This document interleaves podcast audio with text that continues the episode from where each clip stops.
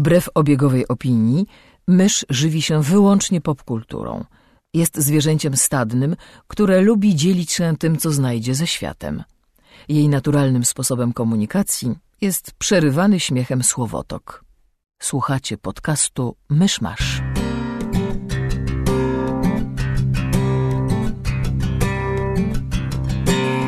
Gospodarzami podcastu Myszmasz są Krzysiek Sera, redaktor portalu Avalon. Kamil Borek ze studia Kobart. i Mysz, autorka bloga Mysza Mówi. Drodzy słuchacze, jest 7 listopada 2016 roku. 109. rocznica wydarzenia, które muszę przeczytać słowo w słowo z Wikipedii, bo nie zapamiętam wszystkich faktów, a więc 7 listopada 1907 roku Jesus Garcia uratował całe miasteczko Nacozari de Garcia, odjeżdżając płonącym pociągiem wypełnionym dynamitem 6 kilometrów z dala od miasteczka, zanim pociąg eksplodował. Cześć mój chwała. Zapraszam do 158 odcinka podcastu Myszmasz. Trochę jak końcówka e, ostatniego Batmana Nolanowskiego. Trochę tak, trochę tak. Ciekawe, I czy któregoś- Jose Garcia naprawił autopilota pociągu, zanim się na to A, zdecydował. a i nie powrotu do przyszłości trzeciego? Czy tam nie ma rozpędzonego pociągu? E, ale on jedzie do przepaści. A, dobrze. I, I Marty ratuje profesora i jego żonę e, DeLoreanem.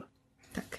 E, Jeżeli słyszycie... Nie, czekaj, kłamie, bo przecież w finale potem profesor wraca latającą lokomotywą, czyli ten pociąg chyba nie, nie przepadł, a może on zmodyfikował sobie inny pociąg. Nieważne. Jeżeli słyszycie dziwne dźwięki, to dlatego, że nagrywamy e, w warunkach polowych, żeby nie powiedzieć spartańskich, ponieważ jesteśmy na Falconie. Kamil ziewa. E, ponieważ jesteśmy na Falconie w Lublinie, e, obecnie w naszym pokoju hotelowym, w którym szumi wszystko od podłogi przez ścianę aż po toaletę. W związku z tym przepraszamy za szumy. I zanim przejdziemy do jakiegoś krótkiego polowego odcinka, to tradycyjnie segment newsowy, co się działo. No segment y, newsowy jest spod znaku ratuj się kto może, bo dotyczy głównie ludzi, którzy wysypali się z różnych produkcji. Czyli e, filmowy Flash stracił drugiego już reżysera. E, nie pamiętam jak się nazywał, ale pamiętam, że e, stworzył film Dope wcześniej i nie stworzy już Flasha. Um, ponadto od drugiego Deadpoola odpadł kompozytor muzyki do pierwszego Deadpoola e, w solidarności z Timem Millerem, reżyserem, który nie wyreżyseruje filmu. E, więc e, tak, może wy macie jakieś weselsze newsy. Znaczy zależy dla kogo, na, natomiast e, poszła wieść, że e, Rami Malek, e, znany z serialu Mr. Robot, Z ma, głównej roli, tak? tak, z głównej roli, ma wcielić się w e, Freddie'ego Mercurego, wokalistę Queen w filmie biograficznym e, pod tytułem Bohemian Rhapsody chyba, tak? E, co jakby mnie akurat cieszy, bo bardzo lubię tego aktora i uważam, że z pokaźnym, sumiastym wąsem byłby wcale wiarygodny, więc czemu by nie? A Kojarzysz, kto, kto robi to Bohemian Rhapsody? Właśnie nie. Brian Singer podobno. Przepraszam. Ale że on reżyseruje, czy tylko produkuje? Tego nie jestem pewien, ale y, widziałem, widziałem jego nazwisko przy tym filmie. Chyba wolałbym, gdyby tylko produkował. Tak. Też sobie się nie ucieszyłem, jak to zobaczyłem. A jeszcze z innych newsów, to za pięć dni od daty nagrywania, czyli od 5th of November, bo dzisiaj mamy 5 listopada, czyli za trzy dni od kiedy wy będziecie tego słuchać, zakładając, że słuchacie w poniedziałek, jeżeli Kamil zdąży zmontować, to wreszcie dostaniemy trailer do Valerian and the City of the Thousand Planets, którym mysz się strasznie jara i bardzo czeka na jakieś materiały z tego filmu, które nie byłyby krótkimi klipami behind the scenes na green screenie, które nic nam nie mówią. To ten nowy Besson, tak? Nowe Besson z Dane'em Dianem i Carą Delevingne na podstawie komiksu, który zresztą omawiałam w, w którymś odcinku podcastu. Co Besson ostatnio robił? Bo ja się pogubiłem po Angeli i Arturze i Miminkach. Lucy. A Lucy, a to, on to reżyserował? Tak, mi się A, wydaje. Mi się w pewnym momencie zaczęły mieszać te wszystkie rzeczy, które produkował z tymi, które reżyserował. Wydaje mi się, że Lucy reżyserował. No to jestem bardzo do tyłu z Besson. Besson skończył się po piątym elemencie, ale hej, może będzie dobrze. W sieci pojawił się nowy zwiastun Wonder Woman. D drugi? Nie, bo oni nie liczą pierwszego, bo to jest, pierwszy to był teaser, to, to był dopiero pierwszy z- zwiastun. Aha. Tak. E, na którym widać jeszcze więcej kolorów, a poza tym to sporo tego samego. Tylko tutaj jest trochę więcej scen z samej rajskiej wyspy Amazonek, gdzie tam można się mniej więcej domyślać, jak to te pierwsze spotkanie Wonder Woman z Chrisem Pine'em będzie wyglądało. No jak to jak będzie wyglądało? Dokładnie jak analogiczna scena z Małej Syrenki. Prawie. Nie kojarzę szarży amazońskiej konnicy w Małej Syrence, ale poza tym wszystko się zgadza. E, No i co? No i znowu jest tam jakiś dowcip albo dwa, a są kolory i w ogóle nie wygląda to jak zwiastun filmu e, kojarzonego z e, ekranizacjami komiksów DC. E, Tylko teraz znowu pytanie, na ile to magia zwiastuna, a na ile ten film naprawdę tak wygląda. Tak, czy to się ograniczy tylko do kolorów w kadrze, czy jeszcze rzeczywiście będzie co pooglądać. No to Wonder Woman skacze, biega i odbija pociski i wygląda to ładnie, no. Pokładam nadzieję w Patty Jenkins, czyli reżyserce. A co ona jeszcze zrobiła?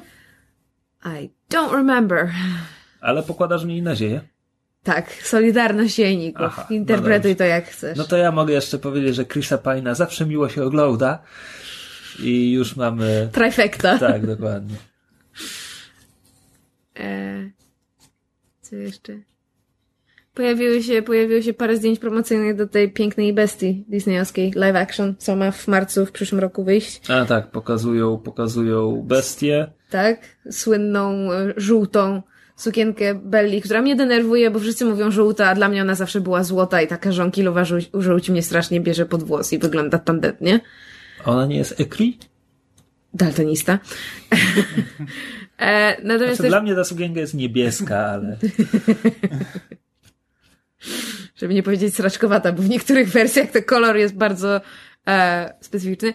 Natomiast e, pojawiło się też zdjęcie, na którym widać e, CGI-owego e, Cogsworth i Lumière, czyli zegar i kandelabr. Wyglądają jak zegar i kandelabr.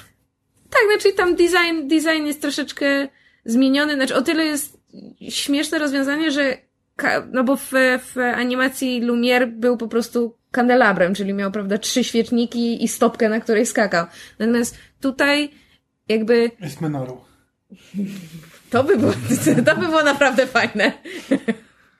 E, nie, jakby kształt kandelabra jest wystylizowany na jakby francuskiego kandelabru?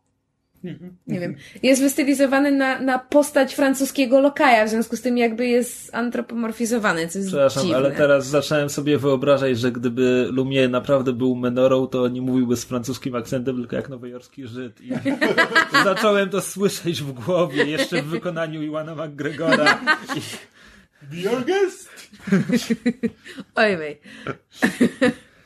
No, ale w każdym razie ja, ja bardzo na ten film czekam, liczę na to, że będzie fajny i e, Ewan McGregor mówiący z meksykańskim, francuskim akcentem, to jest to, na co ja czekam.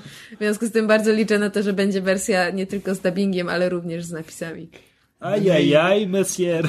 My name is Pierre Garcia. Biach gest! Ole!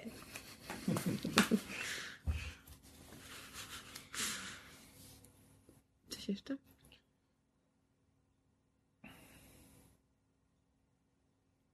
W tym dziale nie.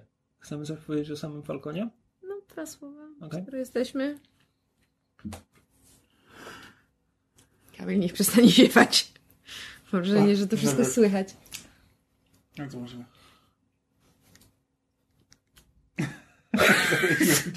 Co żeś narobił? To by było tyle newsów w tym segmencie, ale mamy jeszcze relacje. Na żywo! Tak, na żywo. Breaking news i w ogóle. E, Kaloryfer nadal szumi. Relacja na żywo. tak, update. E, tak jak wspominaliśmy na początku, jesteśmy na Falconie w Lublinie. E, I jest... Nas pierwszy raz na Falconie w Lublinie. Owszem, bardzo nam miło, dziękujemy za, za zaproszenie. W ogóle i też pozdrawiamy z tego miejsca wszystkich słuchaczy, którzy do nas podeszli i się przywitali i dostali od nas znaczki.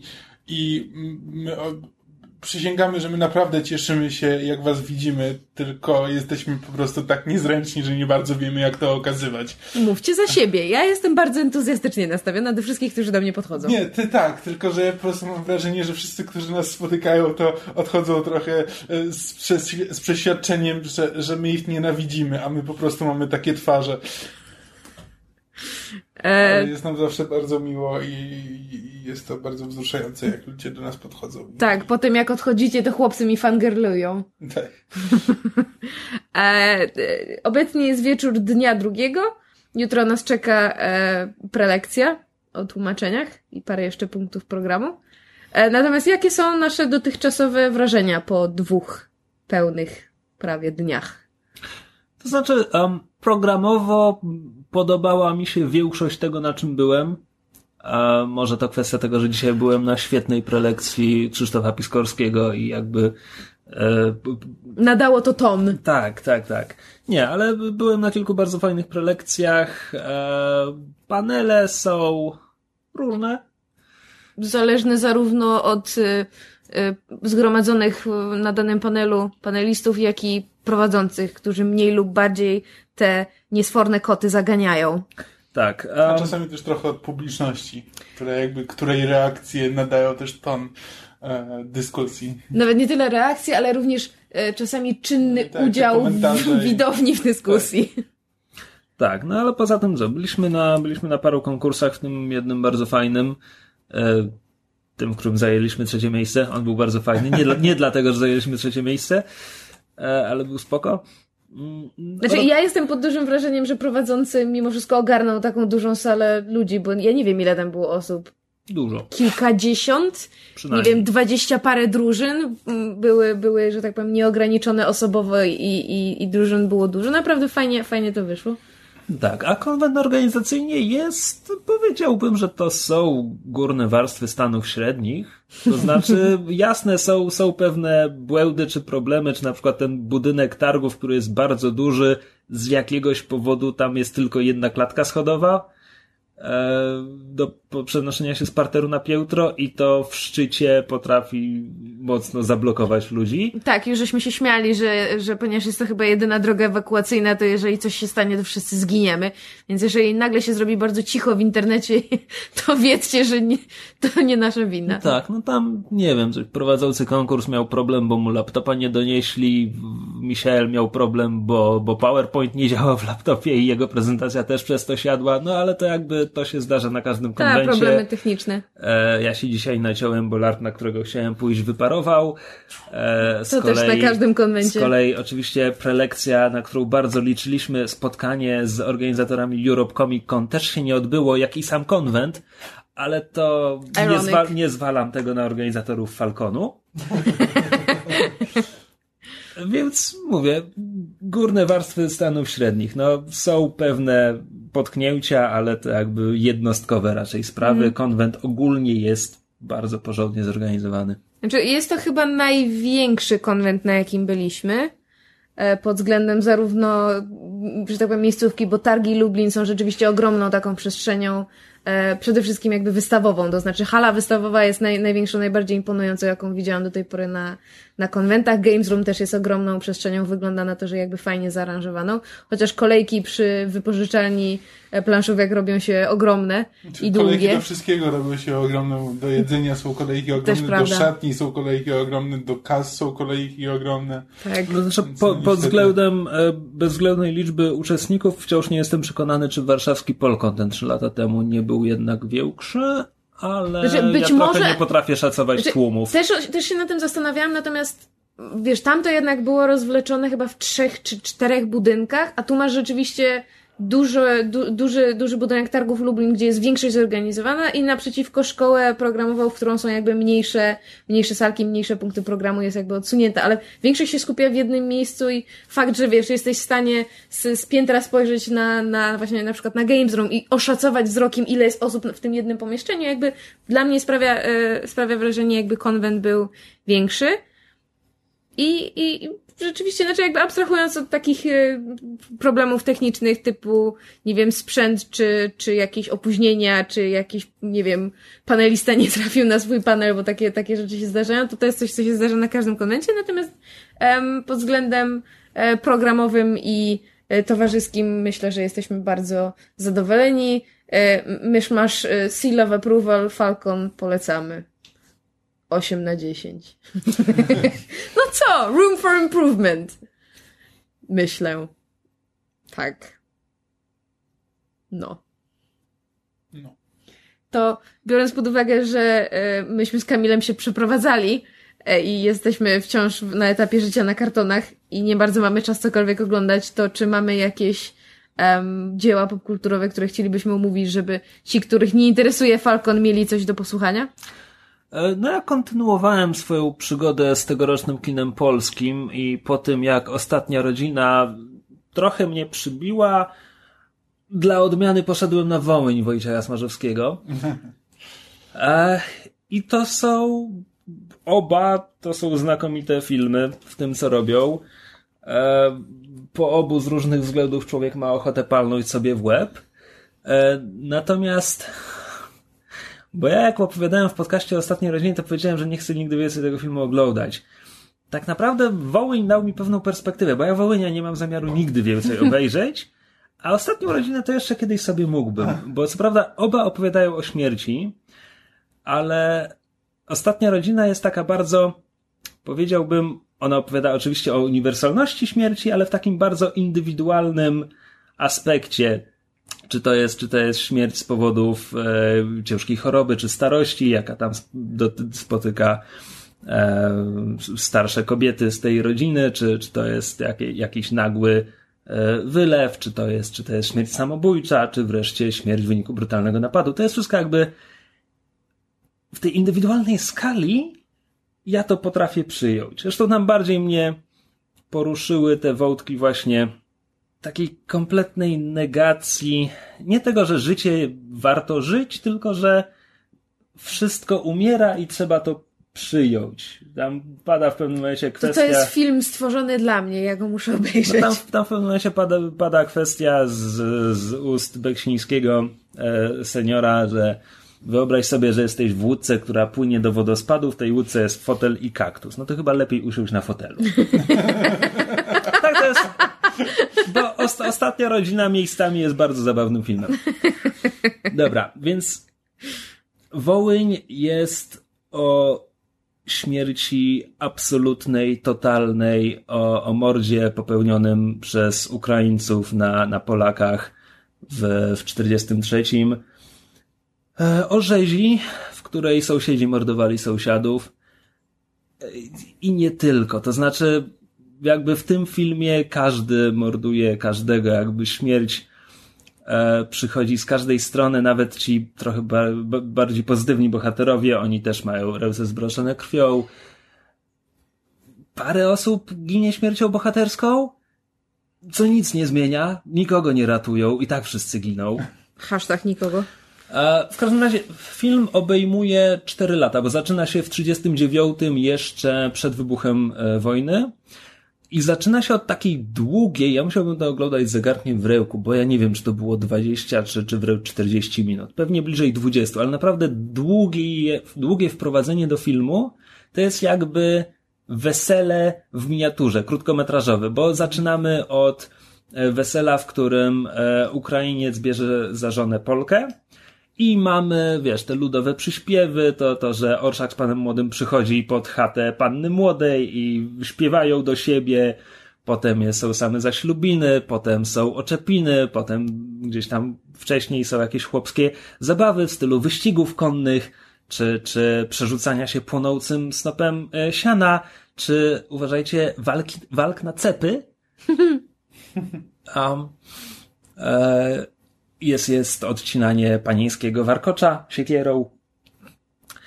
E, I w tym dokładnie tak jak w Weselu Smarzowskiego, jakby tutaj, poza tym, że mamy pokazane po prostu te wszystkie pocztówki z, z życia ludzi na kresach, 70 lat temu, e, mamy też wprowadzenie głównych e, bohaterów dramatu, mamy jakieś różne wątki interpersonalne, ci się kochają, ten tego nie lubi, tam ktoś planuje wydać, wydać e, córkę za, za wójta, co się tej córce strasznie nie podoba, bo ona kocha innego. Mhm. Więc jest plus do tego oczywiście napięcia na tle polsko-ukraińskim, bo też to trzeba powiedzieć, tak, to jest film o rzezi na Wołyniu, ale Smarzowski pokazuje całe tło, czyli jest mowa o tym, że Ukraińcy byli w drugiej RP obywatelami drugiej kategorii.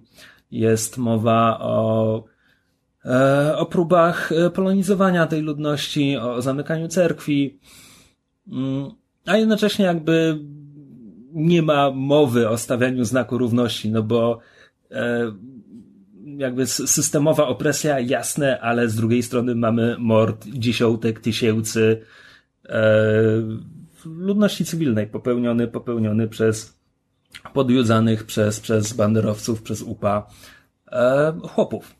Ale też z drugiej strony z kolei Smarzowski pokazuje, że nie wszyscy Ukraińcy mordowali, że niektórzy z narażeniem życia y, pomagali Polakom uciec, że y, wreszcie sami ginęli, jeśli odmawiali mordowania. Więc to jest jakby wszystko dość szeroko pokazane. Są też pokazane y, odwetowe mordy popełniane przez Polaków na z kolei ukraińskich cywilach. Znaczy cywilach, to wszystko byli cywile praktycznie. Um, film jest długi ma dwie i pół godziny i mniej więcej.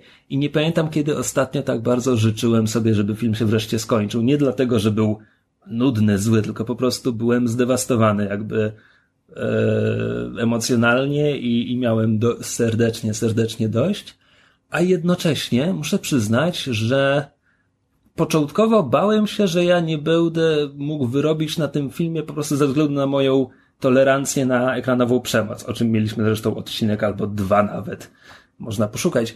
E, natomiast mam wrażenie, że z, ponieważ temat sam w sobie jest trudny, dewastujący, to Smarzowski trochę się zlitował na swoich widzach i w tym dwu i pół godzinnym filmie, okej, okay, przyznaję, były trzy sceny, które oglądałem przez palce, ale krótkie. Półtorej, może dwie minuty czasu ekranowego, a całą resztę jakby można obejrzeć przemoc jest, ale nie jest aż tak dosłownie. To, to nie jest film, który cię wali flakami po oczach. Z wyjątkiem tych może dwóch minut najgorszych. E, natomiast po prostu to poczucie końca świata, końca cywilizacji, tej absolutnej, totalnej śmierci, e, ze zwierzęcenia wszystkich, zarówno, zarówno katów, jak i ofiar, e, no jest, jest przerażające ale jest to bardzo dobrze zrealizowany film, bardzo dobrze zagrany. E, ja mam wrażenie, że część tych aktorów to są debiutanci, w każdym razie takie nieopatrzone twarze. E, część aktorów to Ukraińcy. Przepraszam, kina ukraińskiego oglądam jeszcze mniej niż polskiego, więc jakby zupełnie ich nie znam. E, ale jest też Arkadiusz Jakubik, który się jakby rozpływa w swojej roli. W sensie ja z tyłu głowy miałem, że to chyba jest Jakubik, ale jakby dopiero przy napisach końcowych na, na 100%, e, to, to się no, utwierdziłem się w tym przekonaniu. A więc jest naprawdę znakomicie zrobiony, przerażający, absolutnie przerażający, no ale jest to element trudnej historii, który, e, który warto znać. Um, co jeszcze mogę powiedzieć? Realizacyjnie mam tylko jeden problem, to znaczy w chwilach w chwilach e, strasznego horroru, kiedy główna bohaterka rozgląda się i widzi jakby martwą, wyrżniętą wioskę swoją rodzinną i tak dalej. I w in, paru innych takich scenach, kiedy bohaterka patrzy na horror, to w ścieżce dźwiękowej pojawia się takie szarpanie smyczkiem po pile. I to jest po prostu, ja wiem, że ja patrzę na horror, i ten cholernie irytujący dźwięk jest mi tam potrzebny jak dziura w moście. I to jest jakby autentycznie realizacyjnie, to jest mój jedyny zarzut do filmu. E, I jeszcze powiem, że kiedy w pewnym momencie już po jakby punkcie kulminacyjnym rzezi, jakby jeszcze obserwujemy ucieczkę bohaterki przez kolejne, nie wiem, pół godziny. W pewnym momencie um, jakaś Ukrainka pomaga jej się schować przed, przed bandami dożynającymi tych dogorywających ludzi. Ja myślałem, że się rozpłaczę, kiedy ktoś jej pomógł. To po prostu też nie pamiętam, kiedy ostatnio film tak na mnie zadziałał. Więc warto, tylko trzeba wiedzieć, na co się człowiek pisze. To, to jest film, który ja będę oglądała definitywnie w domu, bo ja już, znaczy Krzysiek opowiada i ja już czuję, jak mi po prostu poziom wzruszenia wzrasta, znaczy jakby takiego nacechowanego przerażenia, bo mi się przypomina, jak oglądałam dziewiąty odcinek Band of Brothers, gdzie z kolei nie chcę spoilować, bo to jest, znaczy to jest, to jest tak fantastyczne, znaczy fantastyczne, w sensie to jest tak My fantastycznie... nie mówimy o serialu sprzed 10 lat? So? Spoilery się przedawniają. Znaczy, inaczej, to, to, to, to, też nie może być za bardzo spoilerowy, bo jeżeli ktoś zna historię II wojny światowej, to pewne wydarzenia są oczywiste. Jeżeli wiemy, gdzie bohaterowie, znaczy jakby tra jaką trasę przechodzili idąc przez Europę, no to jakby wiadomo, co się będzie działo. Natomiast ja jakby, ja, ja nie skojarzyłam, jaki element historii serial zamierza pokazać, dopóki go nie zobaczyłam i to zrobiło na mnie tak wstrząsające wrażenie. Znaczy jakby, ja wiem, że to brzmi śmiesznie, biorąc pod uwagę, że mamy tyle filmów i dzieł kultury i popkultury, które poruszają temat wojen i, i robią to w sposób, który jest w stanie nam uświadomić, przynajmniej w mikroskopijnym stopniu, jakim horrorem jest wojna sama w sobie i, i, i a, a konkretne konflikty jakby w, w różnych aspektach. Natomiast z jakiegoś powodu może dlatego, że bardzo rzadko oglądam kino wojenne, bo to nie jest gatunek, do którego, że tak powiem, e, chciałam powiedzieć lgnę, ale który mnie jakby interesuje. To znaczy ja muszę, ja muszę wiedzieć, że ten film wojenny, który będę oglądała jest jakby dobry, że to nie jest, wiesz, jakiś tam kolejny film, tylko że to jest rzeczywiście dzieło ważne, istotne. Jakby po prostu nie lubię tracić czasu na filmy wojenne, bo, bo mam wrażenie, że, że muszą być zrobione dobrze, żeby mnie zainteresowały. I może dlatego, że nie oglądam dużo kina wojennego, to zrobiło na mnie takie duże wrażenie i ja wiem, że to brzmi trochę dziwnie, ale to było tak katartyczne przeżycie, że to nie jest to, że aktywnie szukam czegoś podobnego, ale uważam, że tego typu przeżycia podczas doświadczania kultury czy popkultury są ważne i są jakby momentami istotnymi, więc tak jak nie zamierzałam w ogóle Wołynia oglądać, to jakkolwiek dziwnie by to nie brzmiało, w tym momencie mnie zachęciłeś do obejrzenia filmu, ale chyba zrobię to jednak w domu, żeby nie histeryzować ludziom na sali kinowej, bo... Nie wiem, czemu to ma dziwnie brzmieć, to jest bardzo dobry film, mówię, że to jest bardzo Nie, ale w sensie, film. bo to wiesz, na zasadzie, że, że opowiadałeś, jaki to był straszny konflikt i jacy ludzie są dla siebie, wiesz, bestialscy i ja stwierdzam, o, to chętnie obejrzę. nie, nie, chciałam, żeby nasi słuchacze taki morał z mojej wypowiedzi wy, wyciągnęli. Natomiast, żeby, żeby jakoś, jakąś ciągłość e, zamówieniem Falconów wprowadzić... Przepraszam, to tym po, optymistycznym akcentem. To po, to po dzisiejszej prelekcji Piskorskiego ja bym chciał zobaczyć film Smarzowskiego o polskich legionistach tłumiących powstanie niewolników na Haiti. Bo to jest temat dla niego. Tak. Coś jeśli, jest. jeśli mówimy o trudnych epizodach polskiej historii, to tak. Tak, dzisiaj właśnie ten Krzysztof Piskorski opowiadał o um, Polska Liga Niezwykłych Dam i Dżentelmenów, czyli jakby sam tytuł wskazuje, czy z polskich postaci literackich, historycznych dałoby się skonstruować taką naszą e, Ligę Niezwykłych Dam i Dżentelmenów. Jedna z pierwszych postaci, którą wymienił był Kazimierz Lux, który miał tego pecha, że brał udział w dwóch naj, najgorszych, najgłupszych kampaniach wojen napoleońskich, jakie można sobie wyobrazić, czyli właśnie konflikt na Haiti i potem e, marsz na Moskwę. No jest w sumie postać, o której muszę sobie doczytać, bo brzmi jakby facet miał strasznego pecha. A poza tym to w ogóle był fantastyczną postacią, bo był e, piratem, korsarzem o złotym sercu, e, uwodzicielem i w ogóle miał strasznie, strasznie ciekawe życie, więc też polecam, żebyście sobie obczaili no, to udało nam się to spinować bardziej pozytywnie na koniec, żeby nie przygnębić słuchaczy. To ja mogę jeszcze przejść do ten archiwalny temat, tak trzymałem na lepsze, na lepsze czasy. e, może trochę bardziej optymistyczny, bo jakiś czas temu oglądałem e, serial, jeśli tak to można nazwać, e, który nazywa się Harmon Quest. I jest to nie jak to nazwać, no program powiedzmy, e, który stworzył Dan Harmon, twórca serialu Community i prowadzący podcastu Harmontown. I on jakby, i to jest program, który wyrósł z, z tego podcastu, ponieważ w podcaście tam w którymś momencie e, Dan Harmon stwierdził, że chciałby zagrać w D&D, w Dungeons and Dragons, bo, bo grał w to jak był mały i czyli potem tam przez całe swoje cały młodociany okres grywał właśnie w RPG. E, no i, wy, i zapytał, czy może na sali jest jakiś mistrz gry, który mógłby im poprowadzić. One-shota. E, tak, taką, taką przygodę. E, I że i na początku pomysł był taki, że to będą po prostu no, różne osoby brali, że tam ten. Ale ktoś się zgłosił z sali, i był na tyle, na tyle im się spodobał sposób, w jaki prowadził. On się był po prostu chłopak, który tam przyszedł w, od tak, się nazywa Spencer Crittenden. I no, na tyle, na tyle polubili jego sposób prowadzenia, że on jakby stał się stałą częścią programu. Jakby za, cały czas na zakończenie podcastu właśnie grali przez jakieś tam 15-20 minut kawałek, kawałek jakiejś tam kampanii no, który zazwyczaj był dosyć ten e,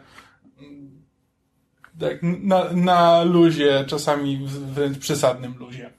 E, więc w którymś momencie Dan Harmon stwierdził, że zrobi z tego pełnoprawny e, program, e, który stworzył dla dla Amazon Prime, dla kanału CISO, po prostu jakby kanałem wywodzącym się z Amazon Prime, który jakby specjalizuje się w serialach komediowych, e, takich bardziej indie. Ale ponieważ Dan Harmon ma swoje studio anim, animacji, to postanowił, że będą grali w RPG, a potem dorobią do tego animacje. Także jakby wszystko to, co y, opisują jakby siedzące przy stole osoby, będzie też animowane na ekranie e, i jakby, że jego studio to potem weźmie, obrobi i przerobi na taki animowany serial, przetykany jakby tym jakby widokiem ze stołu, czasami patrzymy na graczy, na stół, a czasami patrzymy na animowane postaci i to, co, i to, co one robią. E, I to jest ogólnie bardzo fajny pomysł. E, bardzo, bardzo na ten serial czekałem przez, przez dłuższy czas, bo byłem ciekaw, co im z tego wyjdzie. E, I jakby pomysł jest taki, że oprócz jakby Dana Harmona i Jeffa Davisa, którego można ewentualnie kojarzyć z Whose Line Is It Anyway, jest mistrz gry właśnie Spencer, jeszcze tym momencie była żona Harmona, która wtedy była jeszcze jego żoną i czyli to są jakby trzy postaci, które są stałą częścią drużyny. Barbarzyńca, Łotrzyk i Mag. Tak, standardowo. A nie ma profesji e, kobieta? E, nie, bo barbarzynka jest kobietą. E, profesji kobieta? Co? No jest taki stereotyp, że w RPGach jest, są, wiesz, różne profesje. Jest tam, nie wiem, kleryk, złodziej, no, klasy, barbarzyńca, klasy coś tam i kobieta. Nie znam tego stereotypu. No, Gram w RPG od 20 lat. No, zazwyczaj tak jest, że jakby bycie kobietą jest uznawane za, za klasę czy za profesję. Z kim ty grałaś? No to bardziej chyba nie chodzi o sesję RPG, tylko ogólnie o historię fantazy, jakby takie oparte na takim schemacie znanym z RPG. No, że, jak ma, że jak jest drużyna, no to masz maga, który ma jakieś tam motywacje, masz barbarzyńcę, który jest ten, no i, no i masz tą kobietę, która z nimi chodzi. No. Tak, czasami tam ma jakąś jeszcze swoją profesję, ale no. zasadniczo najważniejsze jest to, że jest kobietą. I do superbohaterskich drużynowek też to możesz odnieść tak. i do tak. wielu innych dzieł kultury. E, dobrze, ale mniejsza o to. No i poza tą jakby stałą drużyną zawsze co, co odcinek zapraszają innego gestara, który po prostu na, te, na, tę jedną, na ten jeden kawałek kampanii przejmuje jakiegoś prowadzenie, czy zazwyczaj to się odbywa tak, że spotykają jakiegoś NPC'a i w tym momencie do gry wchodzi e, jakiś tam gestar. I to są różne, znaczy to są aktorzy, komicy, czasami z różnym stażem. Niektórzy są tacy, którzy jakby wiedzą, grali wcześniej w RPG i wiedzą, z czym to się je. Niektórzy kompletnie nie, nie mają pojęcia, jakby wchodząc do gry, jakby po prostu jedyne co wiedzą to, że ktoś im powiedział, że no masz mówić, że masz postać i masz mówić, co ta postać robi, a mistrz gry będzie ci mówił, czy się udało, czy nie. jakby, i to, i, to jakby ma, E, ma swoje wady i zalety, no bo jeśli ktoś wie, e, wie jak grać e, w RPG, no to automatycznie tam wchodzi w pewną rolę i dobrze ją odgrywa, natomiast czasami jak właśnie jest osoba, która kompletnie nie wie co robi, to po prostu tworzy, tworzy interesujący chaos, a ponieważ jakby ci zebrani przy stole ludzie, Dan Harmon, a szczególnie Jeff Davis jakby mają tam podłoże w komedii improwizacyjnej, no to zawsze się dostosowują do tego, więc nawet jeśli ktoś kompletnie nie wie, co robi, no to nawet jeśli robi coś głupiego, to, no to to jest jakby kanon, to, to, to, to się stało. I teraz trzeba na to zareagować. I to jakby prowadzi do, czasami do, do interesujących sytuacji. E, i to jest, i to jest momentami bardzo śmieszne, no bo to jest taki po prostu nieokiełznany chaos, który jakby niektórzy mogą kojarzyć sesję, znaczy wiem, że różni są gracze i różni są mistrzowie gry i jedni się bardziej wczuwają, inni mniej. E, no to, to jakby to, to są takie sesje, które, które kompletnie jakby nie idą. Znaczy tutaj nikt tego nie traktuje poważnie, e, no i to ma być, to ma być w dużej mierze komediowe.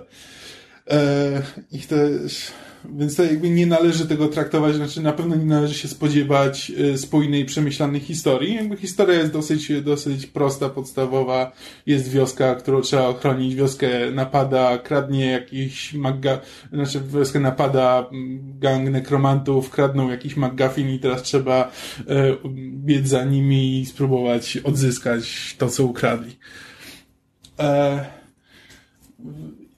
no tylko, że, tylko, że jakby cała, cała zabawa polega na tym, na tym jak, e, jak te postaci, jak ci gracze, e, w jakie interakcje wchodzą, e, jak bardzo to się posypie i co ten biedny mistrz gry z tym zrobi. No bo jakby to jest mimo wszystko, on ma jakiś tam swój plan i musi, musi się jakoś do niego stosować, a z drugiej strony ma tych graczy, którzy mu cały czas rzucają kłody pod nogi. I to, to są jakby sytuacje znane dla każdego, kto grał kiedykolwiek w RPG.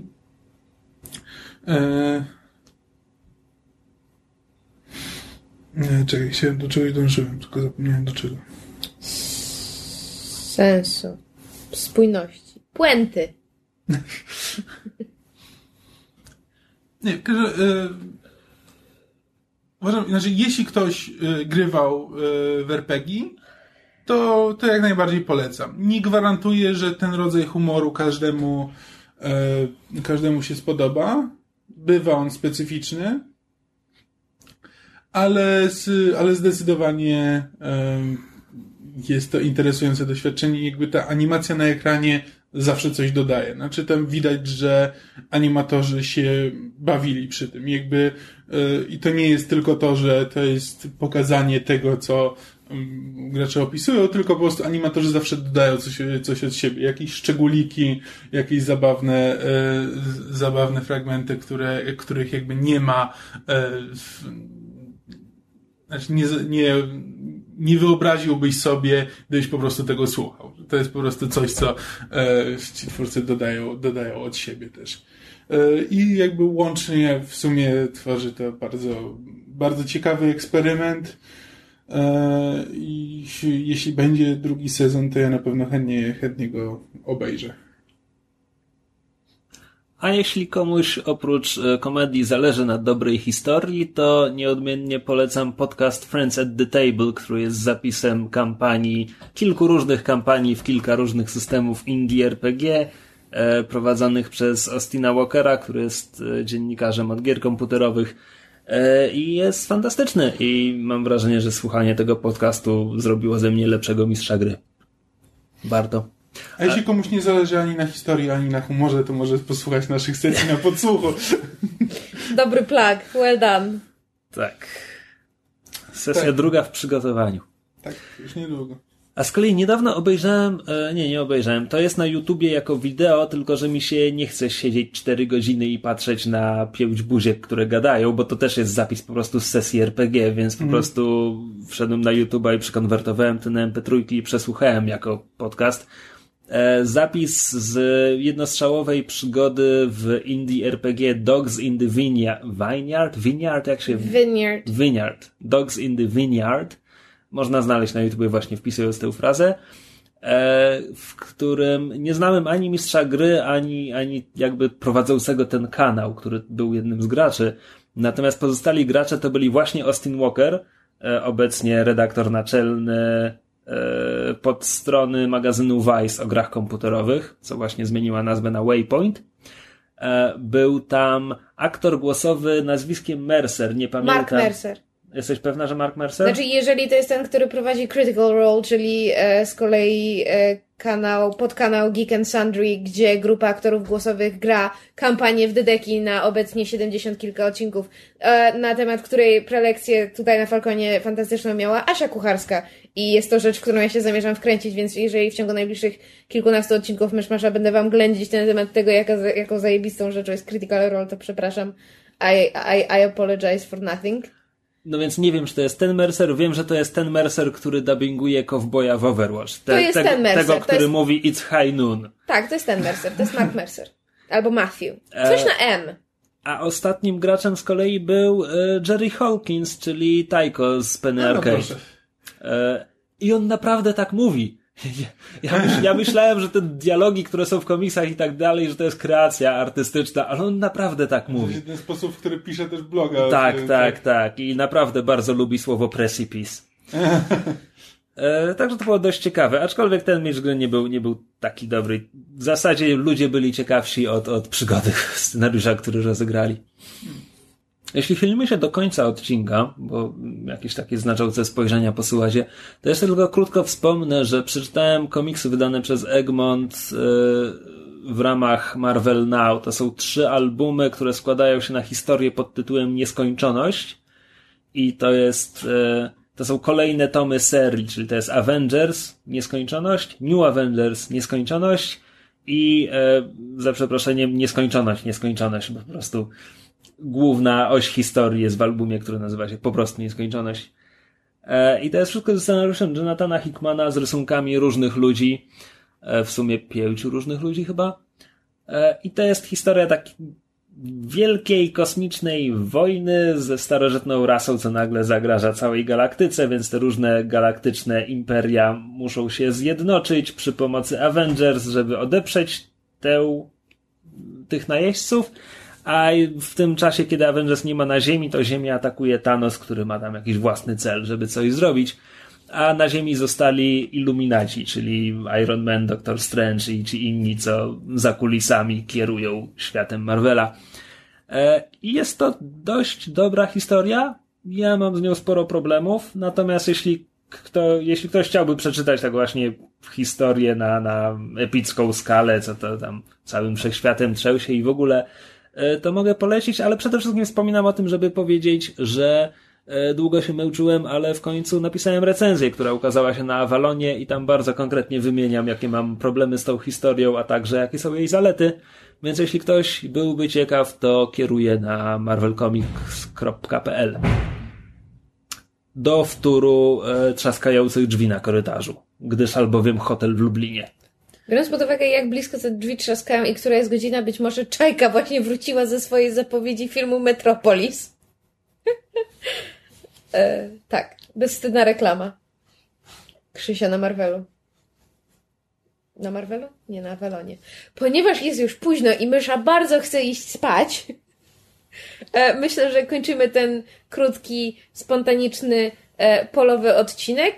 E, Dziękujemy Wam za uwagę. E, być może w tym tygodniu dostaniecie jeszcze jakiś bonus. Nie będzie to jedyny e, odcinek, który się pojawi.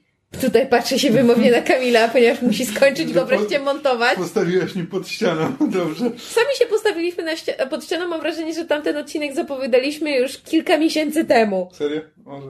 Tak. E, w każdym razie być może ten krótki odcinek, którego słuchacie, nie będzie jedynym e, naszym wkładem w e, uprzyjemnianie Wam czasu. E, dziękujemy za uwagę. Zapraszamy w e, przyszłym tygodniu jak zwykle. Trzymajcie się. Pa, pa! Ha! To jest nasze nowe pożegnanie, jest zajebiste. Pa, pa!